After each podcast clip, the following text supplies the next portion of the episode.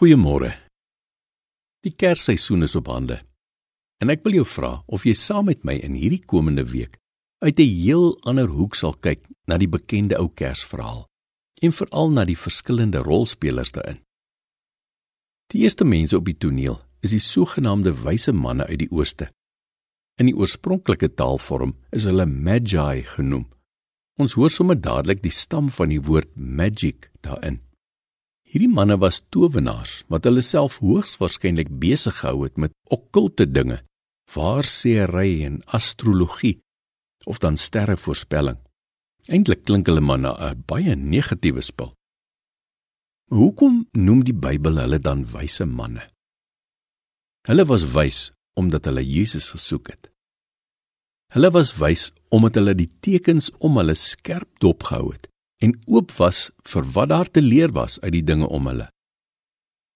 Hulle was wys omdat hulle skerp genoeg was om God se teken van die helder ster met Jesus se geboorte raak te sien.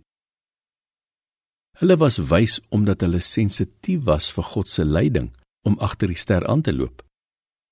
Hulle was wys omdat hulle fisies opgestaan het en 'n lang gevaarlike tog aangepak het, net omdat hulle graag die nuwe koning wou ontmoet. Hulle was wys omdat hulle voortydig geskenke ingepak het, alleen maar in die vertroue dat hulle wel die koning sou ontmoet. Hulle was wys om die hulpelose babietjie Jesus in 'n nederige stal te herken as koning en voor hom te buig.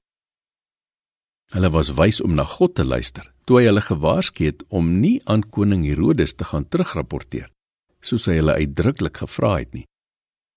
Hier staan jy ver oggend aan die begin van 'n nuwe week, aan die begin van 'n nuwe kersseisoen. Die Bethlehemster het sopas simbolies in die hemel verskyn. En jy het nou 'n keuse. Gaan jy die ster ignoreer en net gewoon aangaan met jou lewe? Of gaan jy ver oggend in die gees opstaan soos die wyse manne? Die ster begin volg en toelaat dat hy jou na die koning toe lei. En as jy bereid om dan voortydig die goud en die wierook in die midde van jou eie lewe in te pak vir wanneer jy hom ontmoet. As jy vandag kan besluit om op te staan en die ster te begin volg, as jy kan aanhou en volhard tot jy by die plek kom waar die ster gaan stil staan. As jy voor Jesus gaan kniel met jou lewe as beste geskenk aan hom. As jy kan kies om die koning Herodes in jou lewe te ignoreer sal jy ook 'n wyse man, 'n wyse vrou genoem word. Seën vir jou.